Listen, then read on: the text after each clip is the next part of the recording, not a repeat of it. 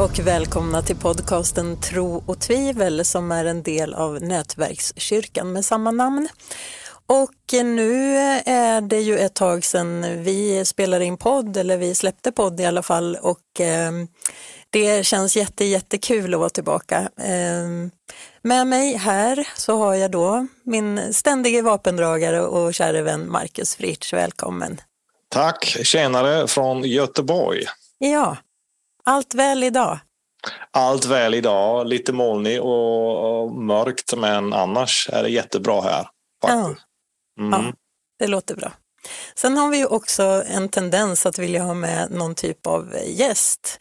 Och det har vi även idag. Vi har nämligen den spännande människan Jonas Stadling. Välkommen! Tack ska du ha! Och du, Trevligt alltså, att vara här. Ja, jättekul. Vi har ju försökt eh, nå varandra ett tag nu och få, få det att funka, men eh, eh, det har inte riktigt lyckats. Men viljan har varit stor har det känts som i alla fall. Absolut, absolut. Mm. Det har varit lite att stå i, men nu ska vi göra det här idag tillsammans. Ja, mm. fint. Mm -mm. Och du bor i Stockholm? Jag bor i Stockholm, absolut. Är gift? Jag är, i, jag är gift med min, jag har en fru och ett, och ett barn. Ett barn. Eh, jag fick barn ganska sent. Eh, jag var 40 år när jag fick barn, men det är jag glad för, för att mm. då kunde jag koncentrera mig på det helt ja. enkelt. Mm. Och jag bor i Stockholm och jag föddes i Huddinge och bor nu sedan jag var 18 år, sedan 88 på Kungsklippan 14 i Stockholm. ja, för alla som I, vill komma och hälsa på. Så. Välkomna! Eh, Kungsholmen, det är ja. den finaste ön vi har i eh, du säger det. Stockholm. Ja. Underbart. Men du, det är ju så att du är en väletablerad och grym musiker. Det är ju sedan gammalt. Du är batterist, trummis.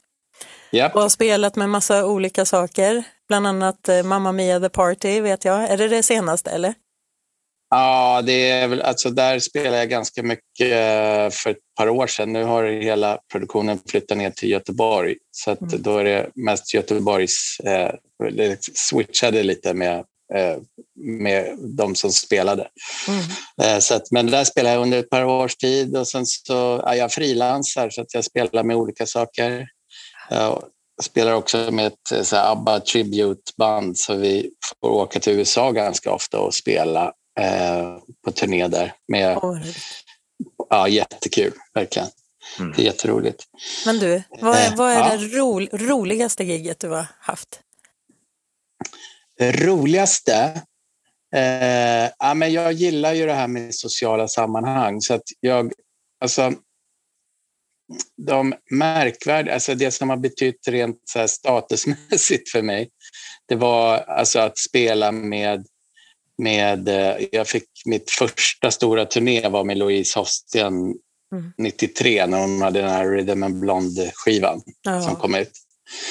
Eh, det var jättekul och sen så Magnus Uggla fick jag spela med under ett par års tid också mm. Eh, på 90-talet. Eh, och det var det är kanske det märkvärdigaste för att eh, jag, det var ju min idol sedan jag var liten så det var ah. väldigt häftigt att spela. Stort. Och sen, ja, och sen så har jag spelat också som betydde någonting ur ett föräldraperspektiv. Att jag fick vara med Lill-Babs och Wenche Myhre och eh, Siw Malmkvist. Mm.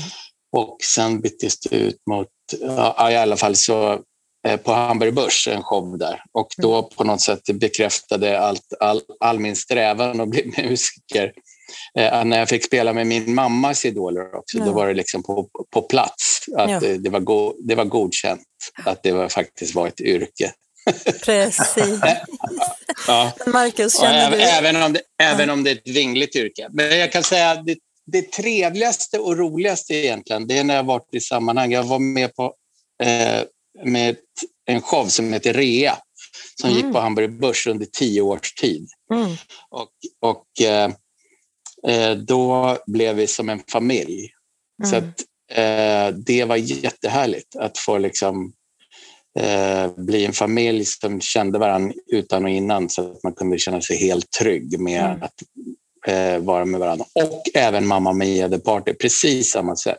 Mm. Att det, det, där alla är, eh, har sociala skills och vill göra det bästa och gillar att umgås. Och det är mm. inte så mycket trippa på tå för artisten, liksom, utan alla, alla mår bra tillsammans. Mm. Så jag kan säga att det, det mest trevligaste jobben jag har haft är nog med, med Rea och, eh, och eh, Mamma Mia The Party. Det har varit mm. så här, man, man njuter bara för att komma ner och dricka kaffe med kompisarna och sen mm. spela lite också. Liksom. Ja, det är ju väldigt speciellt när man får spela så lång tid tillsammans under så Verkligen. tajta Verkligen. Ja, förutsättningar. Mm. Alltså Marcus, känner du igen några av de här artisterna? Ja, jag är ju inte så insatt i den uh, svenska musikvärlden men jag har ju lärt mig en hel del. Uh, framförallt uh, sedan jag är med Mia och Micke så lär man känna väldigt många intressanta människor och uh, jag gjorde ju en del av mina läxor men inte allt. Men en hel del av mm. dem känner jag till. Ja, ja. Jättespännande. Mm. Jag tänker de här Grand Ladies som du pratade om där, de var ju faktiskt ganska stora i Tyskland också, tänker jag. Mm. Ja. De, ja. Ja, jag är ju själv ingen, uh, ingen musiker. Alltså, uh, jag, jag, spelar mm. inte för mig själv, men jag är inte uh, alltså, långt, långt, långt ifrån den här professionella nivån. Mm. Jag var alltid mer intresserad av bild och film och sådana saker. Men um, ja, jag är väldigt tacksam att jag får lära mig det nu. Alltså, mm. hellre sent än aldrig. Ja, det är så mm. häftigt det där faktiskt att man kan upptäcka eh, att man har kanske sitt eget primära första instrument så att säga eller sitt primära kreativa uttryck. Många har det i alla fall, men att få erövra andra också, även om man inte själv utövar det, att få njuta av det och upptäcka att det här är också ett språk för mig, som talar till mig i alla fall. Eh, det har, alltså bildkonsten har ju verkligen blivit så för min del på sistone. Det är häftigt. Ja, Precis. Men hur, jag blev lite nyfiken, hur blev det för dig? Varför blev du musiker även om det inte kändes som ett yrke? Eh, ja, men för mig kändes det nog alltid som ett yrke. Men jag tror så här, förstår ni, att jag analyserar det här ganska mycket. Varför och varför jag valde mitt instrument. Eh, och eh, Eh, när jag var fem år så dog min pappa. Mm. Eh, och eh, eh jag blev ett ganska stökigt barn. Mm. Eh, och på den tiden så var man ju stökig. Det var, man förstod inte riktigt kanske varför och så vidare. Men, men någonstans i det där så, så försökte jag få börja spela trummor. Mm. Min mamma tyckte först att jag skulle börja spela trumpet Eh, det gjorde jag lite i blåsorkestern i kyrkan, men jag fick alldeles för ont i huvudet för det. Kanske hitta på det. Eh, och sen så eh, blev det, jag tyckte hon att jag skulle spela piano, för det där med trummor som låter i ett hus, det kanske inte är världens roligaste grej. Men så till slut så fick jag eh, tjata, tjata, tjata så att jag fick börja spela trummor och kom in på kommunala musikskolan. Och eh, varför jag började spela trummor, om jag analyserar efteråt, mm. så tror jag, och varför jag blev så fokuserad, eh, var nog bara för att det var ju världens bästa instrument för ett ledset och frustrerat barn. Mm. Mm. Det vill säga, Eh, det var någonting som man kunde koncentrera sig på till 100 procent. Skygglappar på, man stänger av det jobbiga. Mm. Och sen eh, är det ju världens bästa instrument i koncentrations och koordinationssyfte. Därför mm. att det är mycket man ska lära sig, det är mycket som upptar hjärnans tankeverksamhet och stretch. Och sen är det världens bästa instrument om du är frustrerad och arg. Mm. För att du kan, du, du kan damma på de här trummorna och det känns bra att få ur det ur kroppen. Mm. Så jag, jag eh, kan tänka mig att, att det var därför på något sätt det passade mig så bra eh, att spela trummor. Det var liksom eh, det här har jag liksom analyserat efteråt. Det hade jag ingen aning om då, men jag förstår att det kan ha varit på det sättet.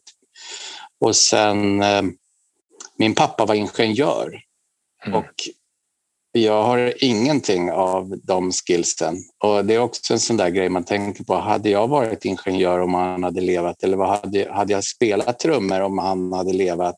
Mm. Eh, ingen aning. Mm. Men det var så det liksom startade. Och det var nog en stor anledning till att jag valde det instrumentet. Mm. mm.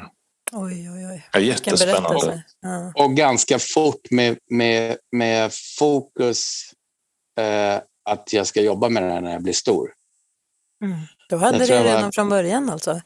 Jag hade det från jag var nio år, att jag ska jobba med det här när jag blir stor. Ja. Och jag, om, om man analyserar det i sin tur så tror jag att det kan också ha varit om jag nu genomför det här och lyckas med det här och så kanske jag blir glad och lycklig mm. av att komma fram till målet. Mm. Mm.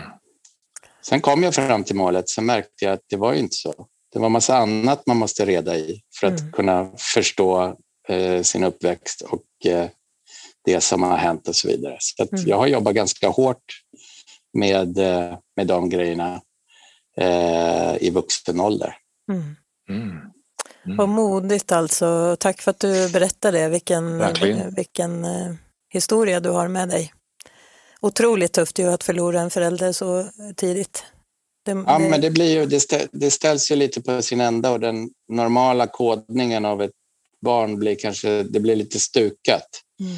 Så att eh, man får lite eh, saker att jobba med som, mm. Mm. som eh, trygghet får sig en törn och tillit och anknytning och, och allt sånt där. Mm. mm. Ja, alltså det är många tankar som snurrar i, i skallen nu. Jag tänker ju, jag, jag vet, vi kan komma in på det lite senare, men jag vet ju också att du är uppvuxen i ett kristet sammanhang. Och jag tänker kopplat till det här vad det gör med ens bild av Gud till exempel och sådär, som ofta refereras som, mm. som fadern och så. Mm. Det kan vi kanske prata om lite, lite senare. Är det okej? Okay? Jag skulle Absolut. också bara vilja säga att du har ju så många andra strängar på din lyra också. Mm. Nu måste jag harkla mig lite. Vänta lite då. Jag passar på också. ja, nej men eh, det är ju som sagt var så många strängar på din lyra, även om just din lyra då är pukbeklädd, eller pukskinnsbeklädd. Eh, och då är det ju som så att jag har förstått att du är väldigt engagerad liksom, i so sociala arbeten och någonting som heter Swedish at Work till exempel. Skulle Absolut. du vilja berätta vad det är eh, och hur du hamnade där? Ja, det kan jag berätta. Eh, jag ramlade in, alltså dels är det så att uppväxten med, man har ju en tradition när man är uppväxt i kyrkan med att man tänker på folk som har det svårt och, och folk som är i andra situationer och man samlar in pengar till behövande. Så, så det där har man liksom med sig i modersmjölken. Men för några år sedan så så fick jag chansen att eh, hoppa in för Robert Ivansson, min kompis som också är musiker, mm. som jobbade i en förening som heter Ny gemenskap. Mm. Eh, och eh, en politiskt och religiöst obunden förening men mycket samarbete med kyrkor där vi har olika verksamheter, olika kaféer och andra verksamheter där vi har där många hemlösa, många personer i svåra situationer och så vidare får komma och ha en frizon i den bemärkelsen att man får komma, vi serverar gratis mat, vi, eh, eh, man, får, man får sova där. Om man är hemlös och sover på Centralen så kommer väktarna och petar på dig och säger här får du inte sova. Men eh, där vi är så är det om du sitter och nickar vid bordet så är det helt okej. Okay, liksom. mm. Och jag jobbar då eh, på ett jag fick möjligheten att hoppa in för honom när han skulle ut och spela. Så jag hoppade in på Café Söder, ny gemenskap som ligger i gamla Ebenezerkyrkan. Mm. Och då jobbade jag där ett par veckor och tyckte att det var väldigt meningsfullt och kul och ganska yvigt för att det är många härliga och eh, det är också, kan vara jobbigt men det är många personligheter med, som kommer från ganska stukande förhållanden eh, som kommer dit. Så att om vi pratar om högt i tak så är det alltid högt i tak. Och jag mm. upplevde att när jag jobbade där så blev det väldigt nära till nära samtal för att eh, de här personerna de hade liksom inte ens tid att, att vara, prata om väder och vind utan det var ett problem som fanns direkt och som kanske går att lösa helt enkelt. Mm. Och när jag hade jobbat där ett par veckor då fick jag frågan om att eh, jobb, eh, på ett av de andra kaféerna så var det en, eh, en annan kille som heter Robert Öberg som också är musiker som var ansvarig för det kaféet på Birger i Korskyrkans lokaler. Mm. Och han skulle gå vidare till annat jobb så jag fick frågan om jag kunde vara ansvarig för, för det här kaféet. Eh, och då, det här var det är sex, sju år sedan nu tror jag. Tiden mm. går fort. Men då hoppade jag in där och sen så, eh, jag är fortfarande kvar här, och här har vi alltså frukostservering för, för alla är välkomna. Jag brukar säga bratsen är också välkomna, men vi har inte så mycket brats här.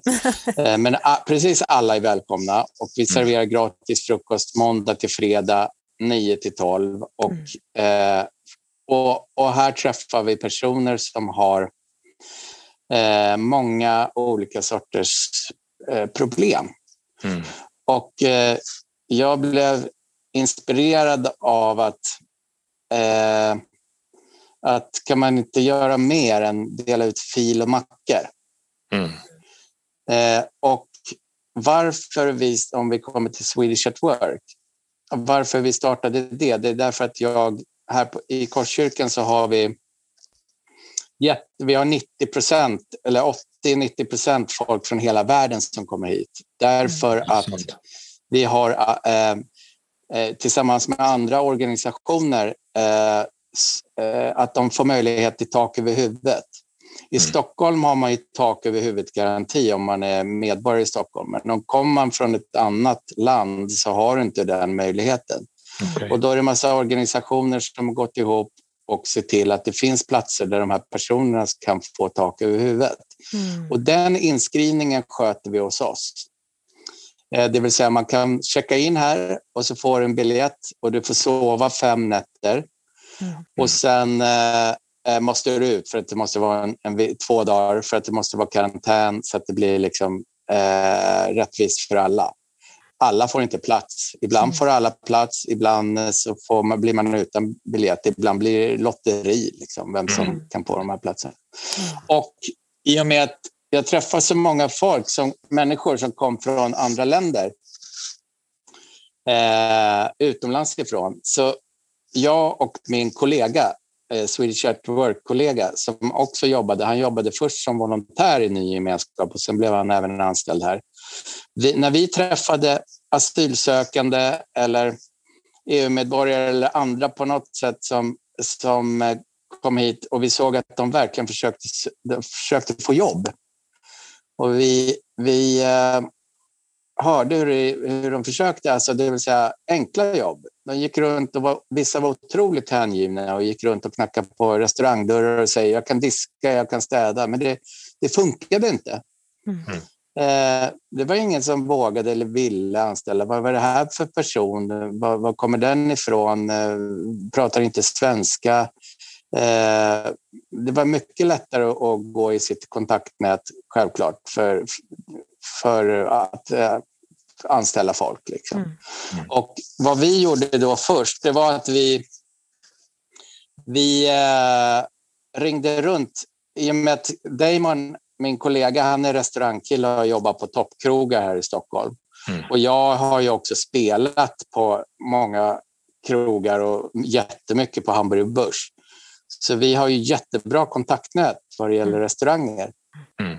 Och då börjar vi med att ringa runt till våra kompisar och sa att här har vi en person, en, till exempel en asylsökande person som behöver komma in i jobb och, och, och eh, tjäna pengar och vi vill gärna hjälpa honom. Kan ni, kan, har ni någon möjlighet eller kan ni tänka på oss? Mm. Och alla våra kompisar som vi känner, som är våra vänner, de sa Ja, vad bra, det ska vi tänka på. Eh, det, det, det, vi, vi, har er i tankarna och så vidare. Eh, och det hände ingenting. Vi fick in en gubbe, en kille på, på ett restaurangjobb efter ett år. Mm. Och han gjorde bort sig efter tre dagar, så det blev liksom ingenting av det här. Och då mm. var vi väldigt frustrerade och undrade hur vi ska göra. Mm. Så vi startade eh, Swedish at Work med ambitionen att nyanlända ska kunna komma in i jobb, språk och våra sociala koder. Mm. Ja. Eh, och att vi, att vi coachar dem in i det här. Mm. Och, och då så... Eh, när vi anställde... Eh, I början hade vi två personer som vi hjälpte med jobb. Mm. Och när vi anställde dem och hjälpte dem med Migrationsverket, starta bankkonto, samordningsnummer, vi har svensklärare, vi coachar dem, vi mm. berättar hur man gör när man går till jobbet, vi berättar hur man gör när man är sen. Alltså massor mm. av det vi tycker är helt naturligt eh, måste vi informera om. För det är olika varifrån i världen man kommer.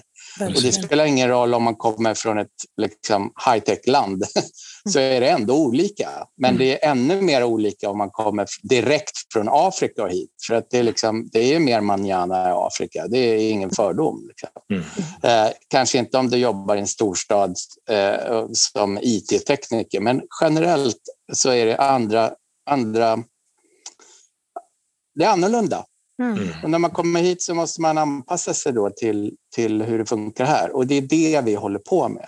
Mm. Eh, och då när vi eh, anställde folk på det här sättet, då kunde vi ringa tillbaka till våra kompisar och säga mm. nu behöver ni inte ta något ansvar överhuvudtaget. Mm. Nu, eh, om ni testar oss och så gör vi bra, mm. då kan vi vara kvar. Mm. Och vi har inga långa kontrakt. Och om, vi, om vi gör bra och får vara kvar, då löser vi ett problem för den här personen som bor på gatan. Mm. Mm. mm. Och, och, då fick vi chansen. Och har ni problem så, så eh, löser vi det problemet. Har ni problem att det inte funkar, då kommer vi och städar. Eh, och eh, det, var så, det var så vi fick det att funka.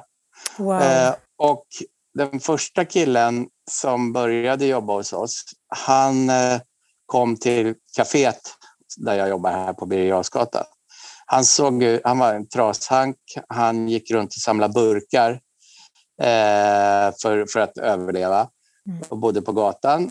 Och sen så var han så tacksam för att han fick eh, eh, frukost här. Så han frågade, kan inte jag få hjälpa till med någonting här? Absolut, vi städar varje dag. Du får jättegärna hjälpa oss, det är toppen.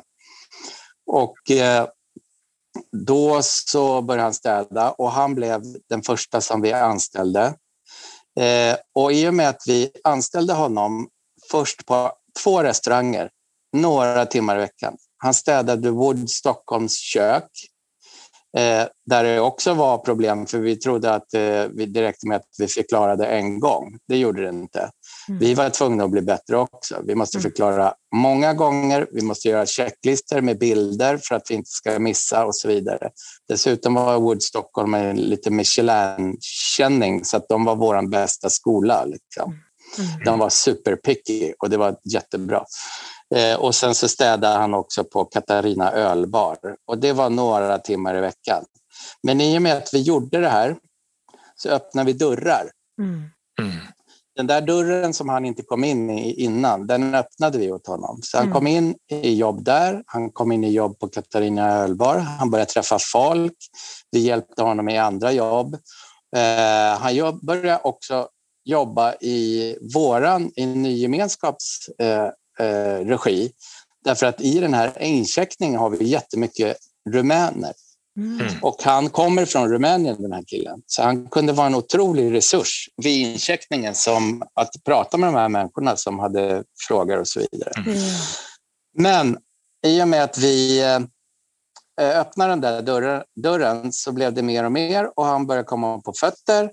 Eh, och han är yngre än jag. Jag tror han var 15 år äldre än jag första gången eh, jag träffade honom. Men eh, sen så började han eh, eh, bleka håret, köpa dyra italienska trasiga jeans och börja se, få upp huvudet och bli, eh, få en värdighet och ett självförtroende. Mm. Nästan lite för stort självförtroende tycker vi ibland. Överkompensera. Ja, Ja. Men i alla fall, det, för oss var det otrolig eh, dopaminkick att se någon som har gått och samlat burkar på gatan Mm. Komma in i jobb, börja tjäna pengar, kan hyra ett rum, för det är så det går till i Stockholm. Du kan inte liksom få en lägenhet, ta 20 år i kön, eller mm. så måste du köpa en lägenhet för några miljoner kronor. Mm. Man hyr ett rum som ofta är alldeles för dyra, men det är så man får göra. Mm. Och han började tjäna de här pengarna så han kunde få ordning på det och så eh, få en ekonomi. Eh, och sen eh, slutet på den här eh, historien då är efter två år, eller två, mellan två och tre år, när han har börjat jobba. Han jobbar hos oss, men han jobbar inte bara hos oss, utan han har mm. fått jobb lite överallt, för den här dörren har öppnats. Och då har han ett problem med sin... Det är någonting han inte förstår med sin deklaration. Så jag mm. följer med honom till eh, Skatteverket för att hjälpa honom med det. Och eh, då när jag kollar på hans deklaration, då har han tjänat 340 000 senaste året. Ja. Mm. Eh, och från att se en person vara hemlös och samla burkar till att han två år senare har 340 000 i inkomst. Mm. Det är en otro, otrolig kick ja. och belöning för att vi och bevis för att vi är på rätt spår. Ja. Eh, det är bra. Och, eh, och eh, det var så vi började och det är så vi fortsätter. Så otroligt fint att höra. Jag skulle vilja applådera och göra vågen här. Alltså. Det är ju så klockrent initiativ. Eh, men mm. jag tänker ju samtidigt då, hur, hur har ni fått det här att fungera från början ekonomiskt? Alltså hur, har, hur, vad har du för roll där? Var du anställd då eller, eller var det ideella krafter? Eh, berätta lite om det. Jag kan berätta. Eh, alltså när jag började på Ny gemenskap så sa jag ganska fort att vi måste kunna göra mer än att dela ut fil och mackor. Och det gjorde jag på en sån här workshop som vi hade med hela föreningen. Mm. Och den responsen som jag fick där då, det är ett antal år sedan. Nu har vi organiserat upp den här föreningen och har ny, ny verksamhetsledare och så vidare. Mm. Eh, men den responsen jag fick, det är en ganska gammal förening det här och det har varit lite så här, man samlas och dricker kaffe och bygger fågelholkar och målar tavlor. Eh, och med min approach till det här, att vi måste kunna göra mer än att dela ut fil och mackor, det var att ja, det är klart att vi ska bygga fågelholkar och det finns ett värde absolut för folk att, att träffas och måla. Men min, min inställning var att ofta handlar det om ekonomi för att komma, komma på fötter. Mm. Och, och, och, folk går till Arbetsförmedlingen i åratal för att liksom, och, och sänka sig mer och mer, för man måste göra det för att få sitt försörjningsstöd. Mm. Och så får du aldrig något jobb. Det är liksom en nedåtcirkel hela mm. tiden. Mm. Så att min, min, min fokus var ju på jobb, att skapa jobb. Och då mm. sa jag, att det är klart att vi ska bygga fågelholkar om vi kan sälja skiten också. Mm.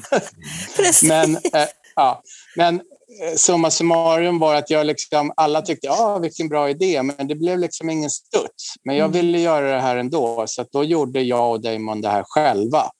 Så att man kan säga att Swedish at Work är ett fristående eh, bolag eh, men som har sina rötter och, ans och, och, och sina, sin connection, en ny gemenskap. Mm. Men så här, hade, det, hade alla studsat på min idé från början, då hade det säkert legat under ny gemenskapstak. Mm. Eh, men jag är, jag är väldigt glad för det, därför att eh, på något sätt så vi kan fatta supersnabba beslut. Vi gör mm. som vi vill. Mm.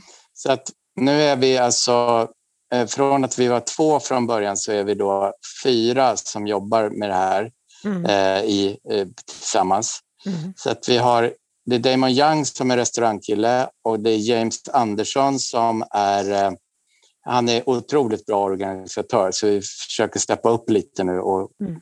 så vi kommer längre och kan göra mer. Mm. Och sen så är det Niklas Aronsson som är eh, min barndomskompis som startar Linas matkasse. Ja, eh, han är också med, för han har ju också gjort en resa från scratch. Så han är en mm. otrolig tillgång till mm. hur vi ska tänka och, och så vidare eh, för att kunna bygga och, och göra mer. Mm. På våra lönelistor nu har vi kanske mellan 20 och 25 personer men vi vill ju steppa upp så att det blir så att vi kan göra mycket, mycket, mycket mer. Liksom. Mm. Men finns det bara i Eh, Stockholm? Och vad, var frågan, vad var frågan från början? Det var Ja, hur vi startade. ja, liksom, Eller- ja, var det ideella krafter från ja, det början? var också finansiering, sa du. Ja, Hur fick vi igång det här? ja, Och då kan jag säga vi fick igång det på det sättet att vi, vi eh, det var timmarna som finansierade. Vi har inte fått en krona. mm, Jo, vi har fått en krona från en barndomskompis som tyckte vi var så bra så han, och hade gott om pengar så han satte in 50 000 till oss som ett startkapital så vi kunde Oj. komma igång. mm, Det är det enda vi har fått.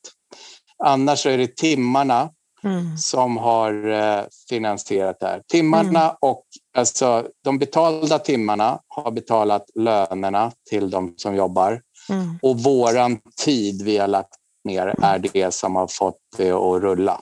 Ja, Så fantastiskt. vi har ju typ jobbat ideellt med det här i fem års tid. eller sånt där. Ja. Men nu, nu försöker vi komma upp på en nivå där vi faktiskt kan frigöra tid så att vi kan jobba med det här på riktigt. Ja, Därför att det, tar, det är någonting som pågår 24-7. Det är Ja. hela tiden. Man måste vara tillgänglig jämt. precis. Men, och det kan vara ganska jobbigt. Men det är också väldigt kul därför Mm. att vi gör någonting, vi gör någonting bra. Liksom. Vi ser att vi gör bra för, för människor och vi Mm. löser problem. mm, Och det är, som musiker så är man ju van vid att det är lite, man löser problem. mhm, Eh, man är van att bära sina trummor. Mm. Eh, man är van vid obekväma tider. Eh, så jag kan bara se som att det är en fortsättning på hur jag började som musiker till Mm. att göra det här. Och det, Mm. och det är lika kreativt. mm, Ja. Och det är lika mycket tillbaka, därför att, om inte mer. Därför att man ser den här framåt, utveck, framåt ut, utvecklingen framåt och att det, att det leder någonstans. Mm. Och det är egentligen en parallell till... Jag Ja. gör samma sak som när jag startade som musiker, fast Mm. nu gör jag det för, eh, för andra människor på ett, eh, på ett mer konkret sätt. Alltså Mm. på, ett, på ett överlevnadssätt. Man gör ju, som musiker så gör man ju också någonting för andra människor. Eh, men Mm. det är lite mer, de sitter ju där ute och blir glada. Men här, här har vi ju kontakt med alla som blir glada och det ger otroligt mycket tillbaka. ja, Ja, precis. Intressant att du ser den eh, parallellen med, mellan eh, din eh, musikaliska verksamhet och eh, Swedish at Work. Men jag, jag Mm. förstår hur, hur, hur du ser och hur, du- hur du känner det.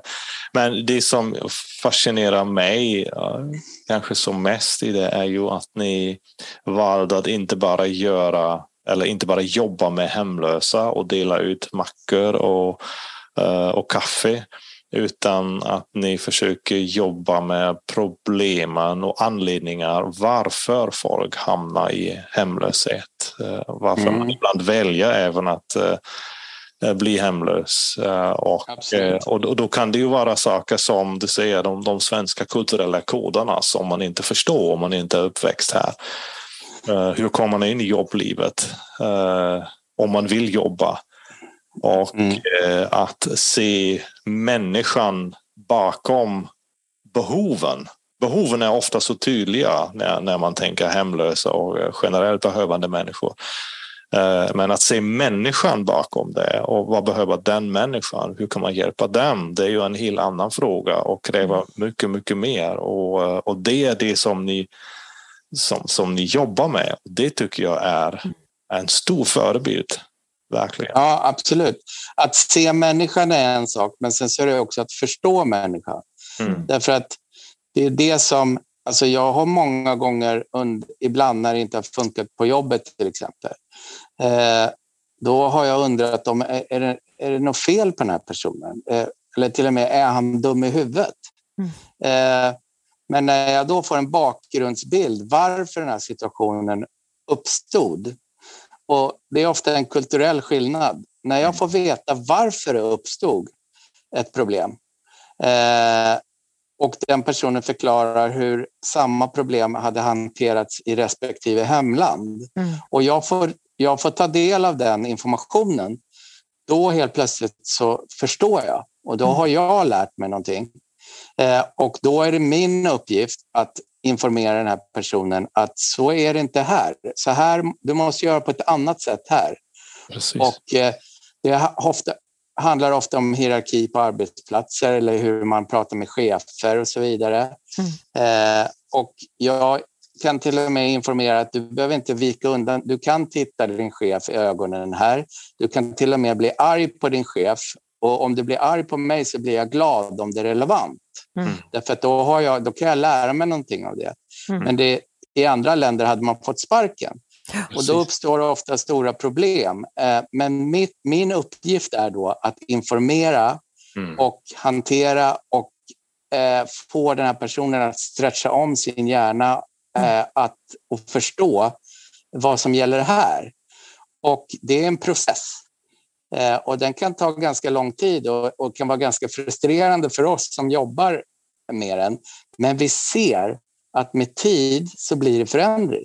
Mm. Och med tid så de som kanske inte varit självgående från början är nu självgående. Mm. Eh, och, eh, så vi ser att det funkar. Mm. Eh, jag kan ta ett exempel bara på, på... Jag pratade med en person som är chef för Blocket Jobb. Eh, och hon sa så här, eh, vi, vi, på Blocket Jobb har vi de som söker jobb. Vi har de som erbjuder jobb, arbetsgivarna. Vi har också den perfekta tekniska plattformen och ändå får vi det inte att lira. Mm. Okej. Okay. Och, och, det jag har lärt mig och förstår det är att det behövs en sån här mellan, vi kallar det för mellanmänsklig eh, in, eh, plattform, eller vad ska mm. säga. Mm. Där ja. det finns sådana som vi som kan ta hand om de här problemen, coacha eh, och eh, när problem uppstår fånga upp för att arbetsgivare ska kunna våga och känna sig trygga att anställa de här personerna. Mm. Eh, och det här ser jag som en stor del av integrationen. Alltså, att vi, om vi kan göra mer av det här så kommer det bli lättare att lösa de här utanförskapsfrågorna vad det gäller jobb ja. och social ja. utsatthet. Precis. Eh, och eh, det, är, det är en lucka där. Därför att ofta om, om man säger så här, ett företag behöver en person som sköter deras lilla kontorscafé och sen mm. tar den in en person, så är det inte helt eh, konstigt om de som företaget som har anställt den här personen undrar eh, om den här personen är fullt rustad i huvudet efter några veckors arbete. Mm. Därför att det kan handla om hur man, om man kommer för sent eller om man tar ledigt eh, som man vill eller om man inte vet hur man städar eller så vidare. Mm. Eh, och det inte funkar. Men mm. finns det då en sån här mellanmänsklig, eh, ett, en sån, eh, ett sånt ställe där eh, då kan man få det att lira därför att då kan företaget ringa till, ja. till det stället eller till oss. Mm. Ja. Så tar vi hand om det problemet som inte fungerar och sen så kan vi lösa det problemet och helt plötsligt om vi då bygger en relation med den här kunden, om vi säger så, så brukar de ofta vara med på tåget och vill hjälpa oss med det vi håller på med. För de, de flesta tycker att det är tummen upp. Mm. Och då blir man mer också förstående för att det är en process. Mm. Eh, och inte bara, det funkar inte, han måste få sparken efter två veckor, utan mm. vi hjälps åt och vi mm. tar det största ansvaret för att, för att, ni, för att av, avlasta det problemet hos er. Mm. Ni ska kunna jobba med det ni gör på jobbet Ja. Men den här personen ska kunna komma in i jobb på ett bra sätt och uppstår det problem så finns vi där och kan lösa det. Mm. Eh, och eh, det, det har jag upplevt som eh, pos mycket positivt, att vi, ja. får, vi får hjälp av alla de vi jobbar hos för att de vet någonting om oss och tycker att vi gör bra. Liksom. Mm. Ja, alltså det, det, det, är helt fantastiskt och eh, eh, som du säger, det har ju väldigt mycket att göra med integration och mot, motverka segregation. Eh, och oftast är det ju så eh, därför att man inte förstår varandra. Eh, man förstår inte varandras eh, kulturella koder eller det som alla tar för givet, så här gör man. Här pratar mm. man med sin chef, i andra länder gör man inte det. Mm. Och om, om sådana vanor som är ju oftast outtalade, om de krockar Eh, då gynnas ju segregationen. Då, då tror man att, eh, att den här människan kommer aldrig att fatta. Men det egentligen behövs bara någon som förstår, blir en mellanlänk. Mm. Yes, exakt kommunikationen så. kan börja mm. och fortsätta och så kan man lära sig. Och det går inte heller, precis som du säger, med en gång. Det går inte över natt. Men över tid så händer någonting. Mm. Och jag tycker det som ni gör Eh, kan ju bli en, en nyckel i hela integrationsfrågan. För vi behöver ju integration, mm. även om inte alla gillar det. Men alla europeiska eller västerländska folk och länder de håller på att krympa befolkningsmässigt. Eh, vi behöver ju immigration för att hålla näringslivet upprätt. Eh, mm. Och ibland undrar man varför de som är ansvariga i, land, i länderna inte jobbar med, med sånt. Men det som ni gör kan ju verkligen bli en förebild och eh, en nyckel hur man kan och ska och borde göra. Och om, mm. om man vill ta in ett litet kristet perspektiv så tänker jag också det är ju något nästan gudomligt att, eh, att gynna kommunikationen mellan människor, mellan olika människor och också att se, eller som du säger, förstå människan mm. bakom fasaden. Eh, mm och titta lite djupare och eh, ja, förstå, älska i ja. längden människorna. Ja, ja, men så är det. Jag tror att, det där, jag tror att, jag tror att vi är en nyckel på spåren, eller jag, jag ser ju det. Eh, men absolut kommunikation och förståelse över att det är olika, det är nummer ett. Därför att vi är så inrutade. Sverige är väldigt fyrkantigt i både ur myndighetsperspektiv mm. och ur vårt sätt att tänka. Vi vet, vi vet hur man gör när man är sen. Man mm. ringer. Mm. Men bara den enkla grejen vet inte alla. Nej. Om vi tar det på den lägsta nivån så förstår ni att vi har att göra. Mm. Eh, och eh, om man får till den kommunikationen och, eh, och, och, och de lär sig, de vi jobbar med lär sig hur det funkar för att vi lär dem det. Mm. Och vi också lär oss hur det mm. funkar på andra ställen. Då mm. blir ju vi mer rustade nästa gång vi träffar en person från samma ställe. För att då har vi ju lärt oss någonting av första personen och då kan ju vi eh, absolut bli ännu bättre mm. ur, ur vårt ledarperspektiv för att kunna hjälpa till att göra mer. Ja, jag gillar det här så otroligt mycket, att det inte bara är den, den fina, vita, rika människan som ger till alla andra, utan att det handlar om hjälp till självhjälp och att det är liksom en, en, respekt för den andra personen på ett sätt och ett förtroende i att jag tror att du har en förmåga att klara det här, att klara ett liv i den här kontexten och i det här samhället. Och att vi är mm. mer sida vid sida på något sätt. Jag tycker verkligen om det. Mm. Jag med.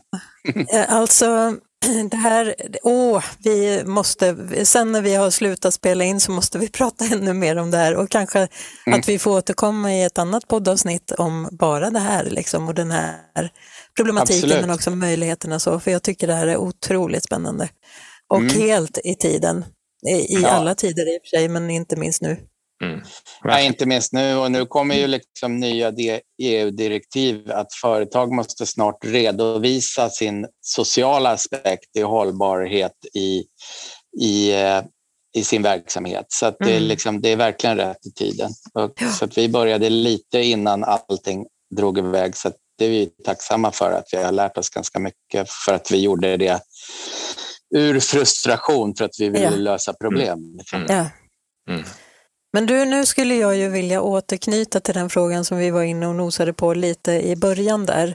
Det där mm. att du är uppvuxen i ett kristet sammanhang, eh, men att det har varit en ganska tuff eh, resa för dig till den punkt där du står nu. Skulle du vilja berätta lite om om det. För du, du, att du är en, en praktiker och en pragmatiker och en entreprenör, det är väldigt tydligt. Men hur, hur har din resa varit eh, vad gäller eh, tro, helt enkelt? Eh, ja, det kan vi väl gå in på. Alltså, så, då får vi börja om från början. där då. När jag var fem så, som sagt, då, då, hände, då hände det ju någonting som omvälvande med att, att, att pappa gick bort. Och eh, då så, min mamma eh, var med då, i, hon är baptist och var med i Norrmalmskyrkan så att jag var med mycket i Norrmalmskyrkan. Jag är uppvuxen, jag är född i Norrmalmskyrkan kan man säga. Eh, och eh, var där eh, sen jag var bebis. Eh, och sen så hände det här och jag blev ganska stökig och, och, och eh, sen började jag första klass och då träffade, träffade jag Nicke Aronsson som jag pratade om förut, mm. eh, som också är med oss i Swedish at Work nu. Och han var pingstvän. Mm. Och han tog med mig till Huddinge pingstkyrka. Och där var det ju mycket roligare. Där var det ju liksom, där var det ju hobbygrupper och det var det var, eh, vi spelade pengar och det var fika och mycket, mycket ungdomar. Så att vi hade ju jättekul där. Mm. Och vi åkte på läger, vi åkte skidor och så vidare. Eh, och det var musik. Mm. Eh, så fort jag började spela trummor så, så, så kunde man börja spela i kyrkan, både med eh, blåsorkestern och ungdomskören och, och sådär. Mm. Så att jag hade ju jätteroligt och jättemycket kompisar och, och så. Så eh, det var en var en väldigt bra start. Och, eh, jag vet också att min mamma hon älskade Niklas för att han tog med mig till de här sammanhangen där det blev lite rätsida på, på mig då, eftersom jag var en orolig själ. Mm. Men sen så också vad det gäller tro så tror jag också att jag var en väldigt känslig själ. Eh, därför att liv och död var ju väldigt nära. Mm. Och och på samma sätt så blev ju Gud väldigt, väldigt viktig och, och, och allvarlig. Och himmel och helvete var också väldigt närvarande tyckte jag på den tiden i alla fall i, i, i, i kyrkan. Och eh, sen när man gick upp lite i tonåren då började man hamna i... Jag vet ju att, att eller jag ska gå tillbaka lite, men jag vet ju att det var mycket mycket bönemöten och mycket tala i tungor och mycket andliga upplevelser eh, som jag verkligen deltog i och kände. Och mycket för att jag tror att jag var också mottaglig eh, för att jag hade så mycket att bearbeta i mig själv och eh, i mig, eh, att jag förlorade min pappa där. Så att eh, gudstron var otroligt stark mm. och närvarande. Eh, och sen så eh, kom vi upp till tonåren och då började man hamna in i det här med, med eh, sex och samlevnad, med, eh, med alkohol, sådana där saker. Och någonstans där så, så blev det också ett krav och massa dogmer. Mm. Eh, man visste inte vilket ben man skulle stå på när ens andra kompisar var ute på ungdomsgårdar eller, eller eh, så. Så då blev det lite vi och dem. Mm. Mm. Eh, de okristna och, de, och, så är det vi som är på den rätta vägen. Mm. Eh, och det var liksom, kunde vara bibelstudier om hur, inget sex före äktenskapet och, och, så vidare. Eh, det var mycket i, när när tonårshormonerna började spruta så var det mycket att dela med där mm. också. Eh, och sen... Eh, så att jag var verkligen inne i, i det sammanhanget och med och, och en stark tro och en stark också mening med att det här, det här jag hade påbörjat, att jag ska spela trummor när jag blir stor, det var ju Guds vilja också. Mm. Alltså jag skulle ju ut och spela för att det var menat eh, från Gud. Liksom. Mm. Kände du det eller var det uttalat? Jag kände det. Du eller, kände det. Mm.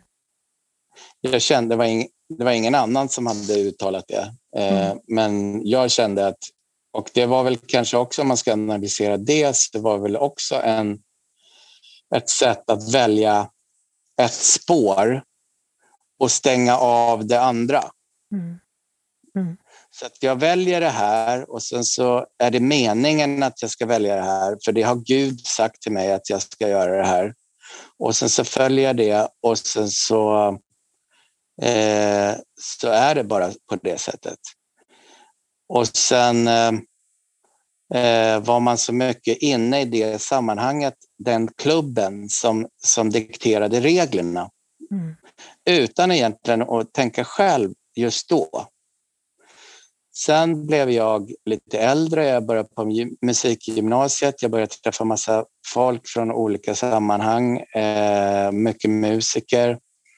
Eh, och började fundera lite på, jag, jag var också fortfarande ihop med min tonårsförälskelse då. Och som sagt så hade det här med sex och samlevnad hade vi ju eh, på något sätt med skuld brutit mot. Eh, men med, med avsikten att vi ska ju ändå gifta oss så att vi, vi kan få hålla på med det här ändå. Mm. Så att jag, eh, vi var ihop från jag var 15 till 21 då vi skulle gifta oss. Mm. Eh, och då så hade vi planerat allt. Vi skulle, det var liksom bara inbjudningskorten som inte hade skickats ut och då fick jag kalla fötter. Mm. Jag tänkte, jag vill ju inte det här egentligen. Nej. Det här gör jag för att sammanhanget säger att det är så här man gör. Mm. Eh, men det här var ju otroligt motstånd, mm. otrolig mm. skuld och jag är dålig och, och så vidare. Men det slutade med i alla fall att vi separerade. Och eh, i, den, i den vevan så började min avkodning kan man säga. Mm. Eh, det var ganska rörigt i, i relationer. Jag, jag, visste, jag, jag, var den fina killen, men jag upptäckte att jag kanske inte var det egentligen. Mm. Eh, i, i, om jag träffade en tjej så hade jag inställning med att nu är det rätt, nu är det rätt. Eh, om jag träffar en ny tjej så måste jag gå in i ambitionen med att vi ska gifta oss en gång. Mm. Alltså det kom från helt fel sätt, fel, fel synvinkel. Mm. Mm. Istället för att det kan vara lite... Eh, man dejtar och man eh, känner på varandra helt mm. enkelt. Så var det mycket... Jag var liksom... Jag eh, hade lärt mig någonting annat. Och sen höll jag på att skavde med det där och så till slut så, så med relationer som sprack lite tid, eh, hela tiden. Och sen så började jag analysera och läsa böcker och eh, eh, försöka förstå vad det här beror på. Mm. Och eh, då så, så la jag ihop lite olika bitar. Då. Att den här det, jag hade väldigt mycket ångest och, och, skuld mellan jag var 20 och 30, egentligen min bästa karriärsperiod. Oh. Oh. Men eh, med tiden så förstod jag att det här är ju någonting som eh, hörde ihop. Eftersom jag inte blev lycklig när jag lyckades som musiker och jag lyckades inte göra någonting bra av de relationer som jag i, de relationer med tjejer jag träffar så är jag är ju lite stukad och dum i huvudet helt enkelt. Mm. Så jag började försöka förstå varför. Eh, och då så var det ju mycket eh, jag blev väldigt arg på kyrkan som hade tvingat mig att tänka på vissa sätt. Eh, jag var också kom ikapp med det här med att jag faktiskt inte sörjt min pappa. Mm. Eh, mm. Och jag blev ganska arg. Den där femåringen som inte hade varit arg och ledsen tillräckligt eh, kom tillbaka. Mm. Eh, och det där var ju, det där, när jag började förstå det här sambandet och sammanhanget, då började det lätta lite. Och sen mm. så har jag gått i terapi i flera år och fått, fått gråta och mm. spy ut min galla över saker som jag inte gillar. Ja. Eh, till, tills jag tröttnade på mig själv. Mm. Eh, eh och nu, nu nu är jag 52 år. Nu känns det mycket bättre. Ja. Eh, nu har jag fått lite förstå, rätsida och jag förstår vad saker och ting beror på. Då blir det, mm. även om man kanske inte blir hel, så, så, så äh, lär man sig att hantera och man förstår lite mer vem man är och mm. varför. Så. Ja. Och i det här med Gud då, då, så på något sätt så var jag ju arg på allt vad som hette kyrka och, och Gud och, och så vidare. Eh, min barndomstro tror jag inte är så mycket att göra åt egentligen, utan den har man med sig sedan modersmjölken. Mm. Eh, men att utvärdera vad de här olika klubbarna och sammanhangen eh, har för sig eh, och förstå det. Så eh, ur mitt perspektiv så har det ingenting med Gud att göra. Mm. Utan det är bara olika klubbar och olika kulturer som samlas kring ett begrepp som, som man kallar för Gud. Mm. Mm. Och, och, tendensen är ofta i de här klubbarna att det, att det blir någon som ska bestämma hur vi ska tänka, mm. hur vi ska uppföra oss, hur vi ska tro, hur vi ska göra. Och eh, den grejen är jag helt borta ifrån. Jag vill mm. inte ha den. Nej. Jag väljer bort den. Mm. Jag jobbar jättemycket, jättemycket med kyrkor nu och jag är faktiskt tillbaka och jobbar i en kyrka. Mm. Men just nu så jobbar jag i en kyrka som jag tycker man ska jobba i en kyrka. Mm. Det vill säga högt i tak, alla får vara med. Det spelar ingen roll vad du tror på, bara för politiska åsikter. Eh, om du är sjuk, frisk eller så, här finns det plats för alla. Och så det har på något sätt varit en lång omväg till att komma tillbaka till en plats där jag startade. Mm. Fast den omvägen har gjort att jag kan se det på ett annat sätt och att jag nu känner att jag, nu är jag på en plats i ett sammanhang, också i samarbete med kyrkor. Men att på min plats, där jag är, där trivs jag därför att här gör vi som jag tycker att en kyrka ska vara. Mm. Mm. mm. Eh, och det är ingen dold agenda eh, med att vi ska missionera här, utan alla, vi, vi, det är praktiskt, eh, Jesus-praktiskt. Mm. alltså, se, din, se din medmänniska och, och gör det bästa du kan egentligen. Mm. Eh, och det tycker jag känns bra. Och det som också känns bra, att jag behöver inte heller ha respekt.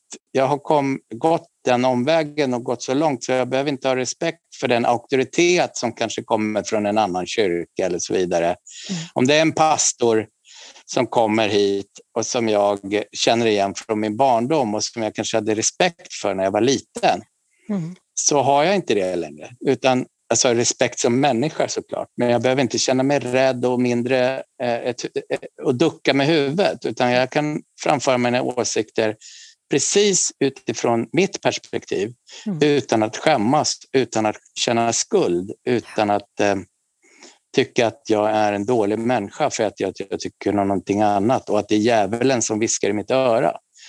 Eh, det känns väldigt, väldigt bra. Mm. Åh, så fint att höra och vad modig du är Jonas. Mm.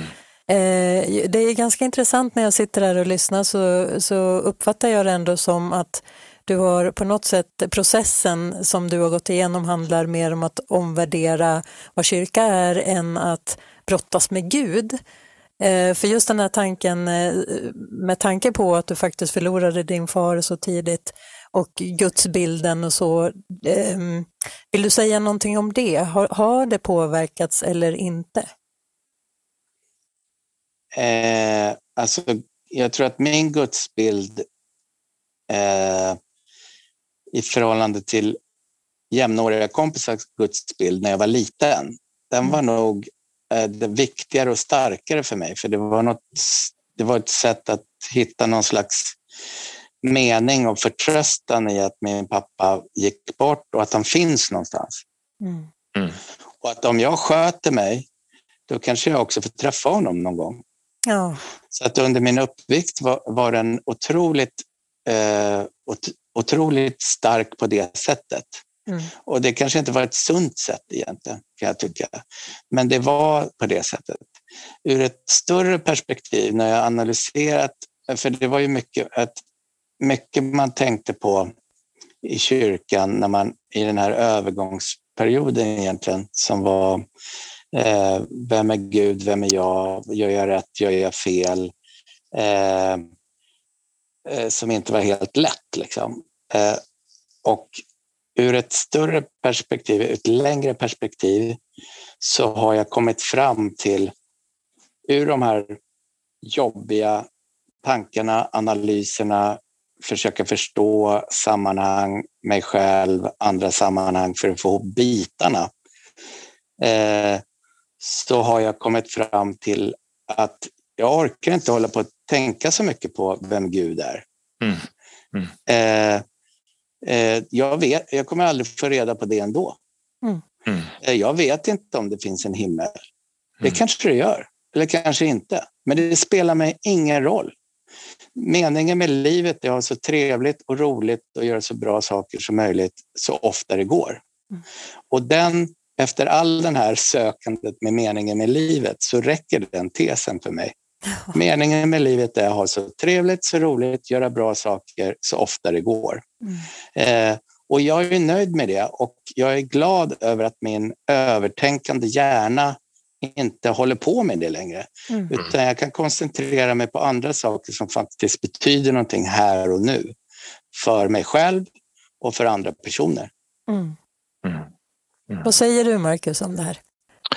Ja, vad säger jag? Först och främst säger jag tack till dig eh, Jonas att du delar det. Um, jag tycker att det är otroligt uh, viktigt och uh, också modigt och jag, jag, tror ju att många känner igen eh, en del av eh, de känslorna. Alltså varje berättelse är unik men eh, man ser ju komplexiteten av livet och den kan man inte bortförklara.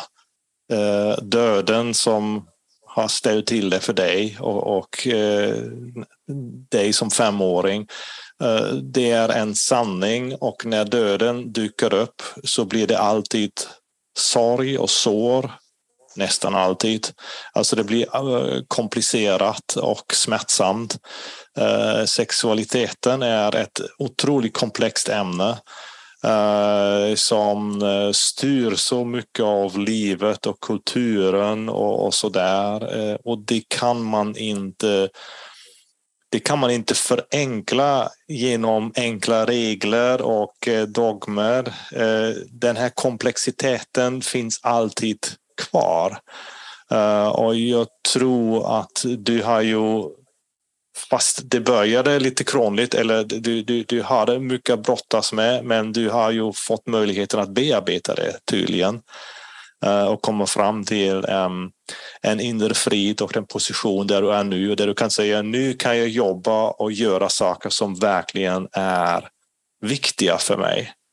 Uh, och du har hittat någon slags inre frid i detta och det, det är helt fantastiskt. Det är strålande att uh, att du kan säga det och jag tror att det är hoppfullt för många som kanske inte har hunnit komma fram till den uh, biten men kan vara en stor uppmuntran. Uh, mm. det, finns, det finns hopp även om livet är komplext. Mm. Ja, så är det. Livet är komplext, så är det. Eh, för alla. Mm. Eh, men det är spännande också.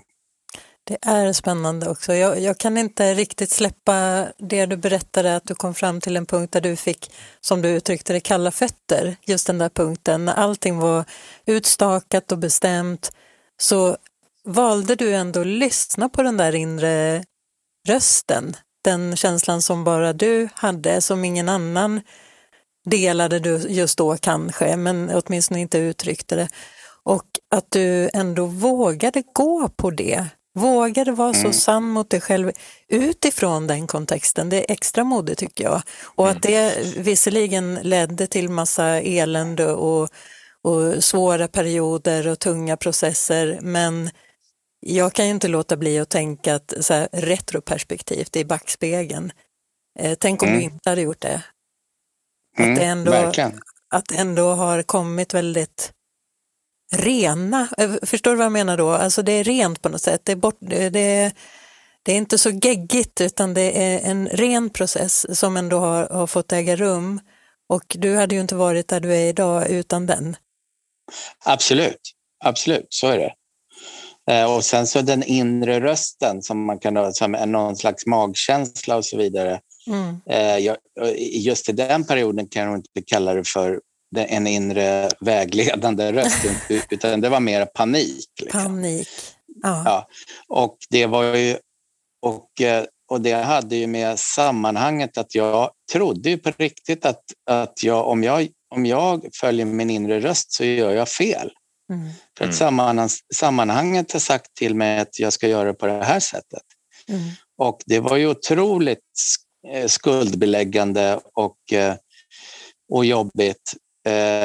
Men jag kommer ihåg när jag ringde till min mamma när det här hände eh, och berättade att jag vill inte det här egentligen. Eh, det känns som att, jag vet inte varför, men det känns, jag visste ju inte riktigt. Alltså man var ju totalt förvirrad. Liksom. Mm. Men jag vill inte det här. Eh, och hon säger, jag har bara väntat på det här samtalet. Nej. Mm -hmm. Eh, då förstod jag att det var i alla fall en liten dörr som gjorde att, att jag kunde få tillåtas att, mm. att göra det här och känna det här och att den här paniken över att följa regelverket inte var så farlig ändå. Liksom. Mm. Eh, så det är jag otroligt glad för att det var en mamma som förstod det mm. och som själv hade haft erfarenhet av en sån här grej, eh, fast jag inte visste det då. Eh, och att, eh, att man kunde på något sätt eh, bli hörd i det och att hon inte sa, skulle tala mig till rätta. Mm. Mm. Eh, så, ja. Ja. Heja mamma. Punkt. Heja mamma. Ja. Heja mamma. ja, precis. Ja, alltså vet ni att vi har pratat i över en timme nu? Wow! Ja, är det, ja, wow säger jag också. Det är helt otroligt. Det känns ju som att vi har väldigt mycket mer att, att prata om faktiskt. Men mm. för nu tror jag faktiskt att det får räcka. Om du vill skicka med våra lyssnare någonting, Någon, någonting bara, vad skulle du vilja säga då? Eh, då skulle jag vilja säga så här. Eh, att, att göra någonting för någon annan, eh, vilket vi har en tradition av att göra ofta i frikyrkor, med något slags eh, känsla över att åh vad duktiga vi är som gör någonting för någon annan. Eh, jag tror inte på altruism jag vet och har lärt mig och det är också en analys över att jag är inte godare än någon annan för att jag gör bra saker. Mm. Jag gör det för mig själv. Mm. För jag vet om jag löser ett problem för någon annan, då får jag så mycket tillbaka så att egentligen så är det lika mycket för den andra personen så är det en egoistisk handling. Mm. Och om man är medveten om det så blir man mycket friare i själen och tanken Mm. Därför att det blir inte så geggigt över att man måste vara så duktig och bra hela tiden. Mm. Är man medveten om att om jag får om jag gör en bra grej här som någon annan blir glad eller löser ett problem, hjälper någon annan att lösa ett problem, då får jag sån dopaminkick, en egoboost och det gör ingenting. Det gör eh, inget. Var medveten om det, för att då, då blir det inte lika geggigt. Nej. Exakt. Och vi är ju precis som du var inne på, vi är ju funtade så, vi är skapta så, vi får dopaminpåslag. Det är ju, tanken är ju att det är så det går till och att inse och erkänna att vi faktiskt mår väl själva av det också. Det är ju, det är ju bara att liksom acceptera verkligheten för vad den är. Så det, det gör det liksom enklare på något vis. Mm. Och sen säger jag också till alla kyrkor, att tänk på och fundera på hur ni kan göra mer än att bara skapa trygga sociala sammanhang eller fika eller dela ut fil och mackor. Därför det finns massor av saker som man kan göra och som man bör göra. Eh, jag brukar skälla på, på, på mina kyrksamarbetskompisar att säga, kom igen, släpp nattvarden nu, ni måste kunna göra mer än så. Eh, jag säger inte att man ska släppa det, men jag, jag är lite... jag, jag peta, peta, peta, lite på dem. Eh, och eh, därför att eh, eh, det finns jobb och det finns folk som kan jobba. Mm. Eh, och det finns folk vi kan hjälpa mm. på ett högre plan mm. än bara det här sociala eh, som också behövs. Det här mm. själavårdsplanet behövs. Mm. Men det finns saker vi kan göra som betyder så, så vi kan komma ett steg längre i våra, i våra program eller idéer eller våra verksamheter. Mm. Och eh, vi finns här också. Swedish at Work finns här för er. Vi kan starta verksamhet var som helst. Vi har en verksamhet i Umeå där vi har ideella krafter som tar hand om det löpande arbetet där. Och i och med att vi finns så kan vi sköta allt administrativt med löner och sånt härifrån. Mm. Mm. Så bara det finns folk på plats i olika var som helst egentligen, mm. Mm. så kan man bara dra igång. Och jag kan anställa, om det finns ett jobb så kan jag anställa en person på fem minuter mm. och börja betala ut lön och sköta allting med eh, eh, arbetsgivaravgifter och skatter eh, mm. på en gång. Mm. Eh, om det är någon som eh, tycker att eh, det är intressant. Mm. Det kan gälla hemstädning till exempel. Mm. Mm. Någon som vill anlita en, en bekant som de känner för att hjälpa, sen den måste tjäna jobb, tjäna pengar. Men ofta så är det en logistik med det där som är problem och det är att jag vill inte betala svart för det hjälper inte den här människan att komma in i samhället Nej. och få tillgång till den den apparat vi har med trygghet och, så, och sjukvård och så vidare. Mm. Men jag har den lösningen. Mm. Så om du har någon som du vill städa hemma hos dig mm. så kan jag anställa den och sköta det administrativa och så gör du rätt för den här personen. Mm. Mm. Mm. Ja. ja. Fantastiskt. Otroligt bra. Listen ja. up eh, gott folk, alla som hör det här. Fundera vidare och kontakta Jonas Stadling. Hur får man tag på dig då? Eller Swedish Man kan mejla mig. Ja. ja. man kan mejla mig på jonas at swedishatwork.se. Ah. Jonas at, eller så här gör vi, Jonas snabela swedishatwork.se. Alltså Swedish at work med bokstäver. Mm. Ja. Mm. Där har ni det. Där har ni det. Ja. Marcus, vill du säga någonting avslutningsvis? Alltså, nej, det finns inte så mycket att lägga till. Uh, jag tycker att det känns bra att det ger oss friheten att vara egoistiska utan att slopa goda gärningar. Uh, mm. det, Bra kombo. Det, det, är klokt. Ja, precis. Bra kombo. Det är win-win. Det är verkligen win-win. och med de fina orden så tackar jag så jättemycket både dig Jonas och dig Marcus för att jag har fått samtala med er. En stor förmån och glädje. Då säger vi adjöken och eh, förhoppningsvis så ses vi på söndagar. Vi har ju vår söndags-zoom som går att titta in på eh, där vi delar några tankar och sen eh, lyssna på musik och sen ger det plats för samtal om eh, dagens tema då så att säga och det, vi försöker också hålla det väldigt högt i tak. Och så avslutar vi med en eh, kort bön för de som vill det. Eh, ni hittar oss på Facebook och ni hittar oss på vår hemsida Tro och tvivelhem helt enkelt. Lycka till med det och så hoppas jag att vi hörs och ses. Ha det gött! Hej då! Hej då! Hej! Tack! Hej då!